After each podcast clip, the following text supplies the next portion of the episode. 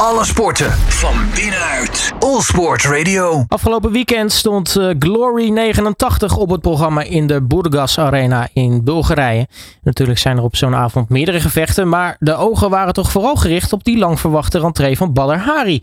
Deze zou eigenlijk vorige maand zijn, maar uh, die werd door Badr toen zelf gecanceld. Uh, last minute weliswaar, wegens de aardbeving in Marokko. Hij gaat terugblikken op de avond met Videoland-presentator Mark Schaaf. Mark, hele goedemiddag. Goedemiddag. Ja, laten we maar beginnen met uh, de headliner van de avond. Badr Hari tegen Uko Jurjendaal uit Estland. Uh, nou, je kunt op zijn zacht zeggen dat dat voor Badr niet zo liep als uh, verwacht. Nee, dat was best schokkend. Ik denk dat het voor heel veel mensen een grote schok was. want hij, ja, hij verloor overduidelijk. En het was een, ja, een hele goede prestatie van Uko Jurjendaal. Maar ik denk dat ook heel veel mensen ja, toch wel teleurgesteld waren in het optreden van Badr. Ja, best wel een hoop mensen. Want uh, nou ja, niet alleen was de partij natuurlijk al vrij snel klaar. Uh, ik zat nog even uh, na afloop ook te kijken. Maar Manhoef, die, die had nog wel een vrij emotioneel betoog eigenlijk in de studio. Vlak na de wedstrijd. Ja, Melvin was heel uh, emotioneel. Ja, je ziet gewoon dat het hem heel erg raakt. Hij is natuurlijk uh, hij heeft jarenlang getraind en opgetrokken met Badder. En um, ik moet zeggen dat de, dat de hele sfeer wel zo in de studio was hoor. Er was veel ongeloof en ook wel veel um, ja, verdriet wil ik het niet per se noemen. Maar we waren allemaal echt heel erg teleurgesteld. Omdat er toch, ja, er zat toch iets in ons dat we heel erg hoopten dat we misschien wel de Badder Hari van 2008, weet je wel, nog één keer terug zouden krijgen. En we hem misschien nog een paar partijen zouden zien vechten op het allerhoogste niveau. Maar het was heel erg duidelijk dat Oekoe Jurjendaal gewoon al een maatje te groot was uh, voor, uh, voor deze barren. En ik denk dat dat het, het grote, de grootste teleurstelling was van iedereen. Maar dan, dan is natuurlijk gelijk de vraag als je zo'n partij ziet. Uh, was Jurjendaal nou echt zo sterk? Of was Badder gewoon niet, dus geen schim van zichzelf? Ja, ik denk dat het een combinatie van beide is geweest. Kijk, Julendaal begon die partij gewoon heel erg goed. Dat deed hij met, door in 15 seconden drie calf kicks uit te delen. En dat, die calf kick, dat is een, een, een, trap eigenlijk op de scheen van de tegenstander. We zijn in Nederland heel erg gewend en ook van vroeger aan de low kick. Dat is eigenlijk een trap net boven de knie, op, het, op het bovendijbeen. Nou, als je er daar een stuk of 4, 5 van krijgt en die blok je niet goed, ja, dan gaat dat gewoon heel erg pijn doen. Dan word je trager, gaan je handen zakken. En uit het MMA is een beetje die calf kick gekomen. En dat is dus een trap ja, meer op het, op het dijbeen, op de kuit. Uh, niet op het dijbeen, maar op de kuit. En die is moeilijker te verdedigen. En als je er daar een paar van krijgt, ja, dat doet zo intens veel pijn. Dan kan je gewoon niet goed op je benen staan. En die Jurjendal, die gaf er, denk ik, in een seconde of 15, die gaf je er drie aan borden. En je zag gewoon toen eigenlijk al aan hem dat hij daar last van had. En dat hij begon te trekken met dat been. En dat je hem ja, minder sterk op zijn benen zag staan. Nou ja, en vervolgens uh, zie je hem uh, naar voren gaan, hopen op, op een slagenwisseling. Ja, en dat is eigenlijk waar die Jurjendaal ook op aan het wachten was. Die was eigenlijk gewoon aan het wachten van wanneer kan ik die hoek op dat gezicht van Barre zetten. Nou ja, en dat deed hij aan het eind van de eerste ronde vol. En je zag, ja, het was een, het was een knetter van een stoot. En je zag Barre echt door de lucht vliegen. Um, ja, stond nog wel op. Kreeg daarna weer een hoek, ging weer neer. En in de tweede ronde was het eigenlijk hetzelfde verhaal. Ja, en nadat hij nog de derde keer neergegaan was, uh, gaf hij uiteindelijk op met uh, nou ja, een blessure, dan wel pijn aan zijn been. Um, ja, en hij werd gewoon overrompeld eigenlijk door, uh, door die misschien wel een beetje boven zichzelf uitsteeg, maar het gewoon slim speelde uh, tegen Badder. Hij weet dat hij zo'n hoek heeft en als die erop zit, dat heb je toen tegen Martin Terpstra ook gezien, ja, dan ga je gewoon zitten. Ja, het was uh, een rechterhoek en een uh, linker jab. En het was in de eerste ronde al gelijk twee keer acht seconden die hij kreeg. Ja. Nou ja, in de derde ronde kreeg hij al gelijk de derde keer acht seconden is een technical knockout al zo vroeg in de partij. Dat, dat moet natuurlijk ook bij Badder in zijn hoofd wel gaan zitten, denk ik. Ja, en ik denk dat uh, zeker, ik denk ook gewoon echt naar die, naar die drie calf kicks, dat hij gewoon al dacht van jezus, gaan we weer, dit pijn, god, gaan we weer.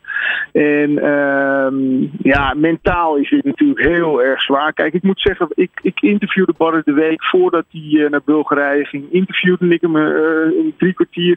En toen was hij heel zeker, hij kwam heel ontspannen over, heel gefocust. En daarom was de verwachting ook veel hoger. Kijk, toen hij met Parijs was, oogde die, vond ik wat onzeker. Uh, wilde hij geen interviews afgeven. Was heel gespannen. En nu met, met, met met de voorbereiding naar Bulgarije, ja, was, hij, was hij heel erg zeker van zijn zaak eigenlijk. En daardoor was denk ik ook de verrassing voor veel mensen gewoon heel erg groot.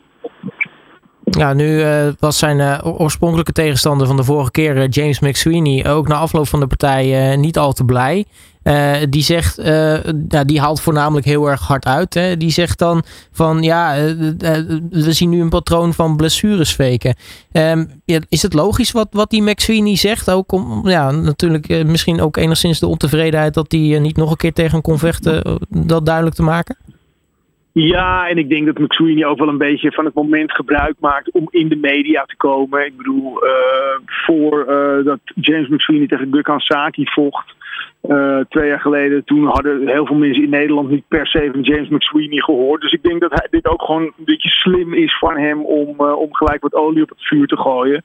Het patroon van blessures, ja, dat is er deels wel. Nou, ik, gisteren heb ik daar, en voor dit weekend heb ik daar eigenlijk totaal niet over nagedacht. Omdat hij gewoon drie keer acht tellen kreeg. En hij gaf inderdaad op, maar hij was in, ja, in principe was hij al gebroken. Um, en die andere blessures, ja goed, tegen Adeboui brak hij zijn neus. Dus ik vond dat hij daar ook geen blessure fakte. Uh, tegen Rojek ja, kreeg hij een trap tegen zo, ging hij ook echt oud. Was dus ook niet een faken van een blessure. En als je dan die twee keer tegen Rico duidt. Ja, ik denk dat hij uh, op Collision 2 uh, eh, heel graag had doorgevochten tegen Rico. Want hij stond in principe, qua punten stond hij voor. Dus ik ben het zelf niet zo heel erg eens over dat, uh, over dat hele faken van blessures. Kijk, wat met Barre wel gewoon moeilijk is, en dat was wat Melvin in de studio ook, ook aangaf. Kijk, als Melvin uh, zijn been breekt, in zijn hand breekt en een dicht oog heeft, dan wil hij alsnog keihard doorvechten. En dat zit in Melvin zijn aard. En dat is iets wat je bij Barre misschien graag zou willen zien, maar wat ja, misschien wat minder in zijn aard zit. Maar hij werd, ja, hij werd dit weekend, ik had niet het idee dat hij iets aan het faken was, want hij stond ook naar die eerste knockout of knockdown, stond hij op. En dat waren, die klap zou voor heel veel mensen een knock-out zijn geweest, want die zat er zo hard op. Dus ja, dat faken, ik vind het dus een beetje een media-ding. En uh, Jason McSweeney, die, ja, die, die gooit zichzelf gewoon nog eventjes in de media, heb ik het idee. Ja, precies. Hey, uh, dan, nou ja, we hadden het over dat dit mentaal nou, misschien best wel bij, bij kan aankomen. Ga, gaan we hem überhaupt nog terugzien? Want nou ja, dit is nou natuurlijk weer klap op klap op klap eigenlijk. Ja, nou ja, ik sprak hem dus een week voor Bulgarije. En toen was hij er nog heilig van overtuigd dat hij de hele divisie daar ging slopen. En dat hij nog, uh, nog lang niet klaar was. Ja, dit, is natuurlijk, dit kan natuurlijk per dag kan dat veranderen. De grote vraag is ook tegen wie wil je Badr Hari nu nog zien? Want als je, ja, kijk, tegen een Overeem kan je verliezen. Tegen die Rojek en een Adik Boei kan je verliezen. Maar ja, nu verlies je van Jurindaal. Ja, je vraagt je nu af tegen wie ze hem nu willen zetten. Want uh, ja, je, je daalt in de rankings. En ja, op een gegeven moment, je, je wil ook niet een Badr Hari tegen iemand die zijn debuut gaat maken uh, zien staan. Dus ik denk dat de hele combinatie daarvan, ja, we gaan dat de komende weken zien uh, wat er gaat, gaat gebeuren. ja, het, het, het, het, wordt wel een steeds moeilijker verhaal, laat ik het zo zeggen. Ja, nou, we hadden het natuurlijk in de intro even over. Er zijn natuurlijk meer, meer gevechten geweest die avond. Um, wat, wat is jou zo al opgevallen bij die andere gevechten? Want er kwam bijvoorbeeld nog een Nederlander in actie, hè? Levi Richters. Ja, Levi Richters kwam in actie. Die zou eigenlijk tegen de derde Nederlander uh, op de kaart, uh, Martin Terpstra, staan. Maar die uh, ging door zijn rug. Dus daar hadden ze een heel snel een vervanger voor geregeld. Maar goed, dat was een jongen uit het MMA. Die was volgens mij middengewicht. Die, die woog 85 kilo. Dat was eigenlijk geen tegenstand. Dus het was leuk om Levi te zien winnen. En fijn dat hij zich kwalificeert voor de Grand Prix. Maar dat was eigenlijk een partij waar we niet heel lang over na hoefden te denken. Wat ik mooi vond was het debuut van Mohamed Touchassi. Dat was de eerste partij. Dat uh, is een jongen die ook bij Mike's Gym traint. En die vocht uh, ja, heel overtuigend, won op knockout. En uh, is een jongen ja, waar we echt echt naar uit moeten gaan kijken. Ze noemen hem een beetje de nieuwe Badr Hari. Daar wil hij vooral zelf niet mee. Uh, um, uh, zo wil hij vooral zelf niet genoemd worden, want het legt natuurlijk nog wat druk bij. Maar er is wel wat te zien in zijn stijl. Hij heeft, uh, is heel aanvallend, mooie jabs, mooie trappen, mooie combinaties. Wil heel graag het gevecht aangaan. En dat is wel een jongen die, die wel een toekomst heeft. Vecht nu nog in het middengewicht, maar wil heel graag zwaargewicht worden. Is pas 21, dus dat zou heel goed kunnen. Dat was wel een partij die mij opviel. En ik vond Stojan Koprovlensky gewoon weer hartstikke goed. Uh, Bulgaarse jongen die ook bij Mike Jim traint. Uh, vocht in zijn geboortestad Burgas. En die, nou ja, die liet gewoon zien dat hij bij de top van die lichtgewichtdivisie, dat hij daarin thuis hoort. En dan gaan we ons opmaken nu over een klein maandje voor Glory Collision 6 in het Gelderdoom in Arnhem. Met ja, natuurlijk de headliner Rico versus uh, Cookie Osaro. Dat, dat, dat, dat is, belooft sowieso spektakel. Ja, dat wordt een prachtige partij. En uh, het grappige is, hoe meer je Cookie ziet, ik we kom wel eens bij Mike's Gym, hoe, hoe, hoe zekerder die wordt van zijn zaken. Het is een jongen die, uh, ja, die gewoon uh, het gevoel heeft van ik heb daar helemaal niks te verliezen. Ik ga vol erin.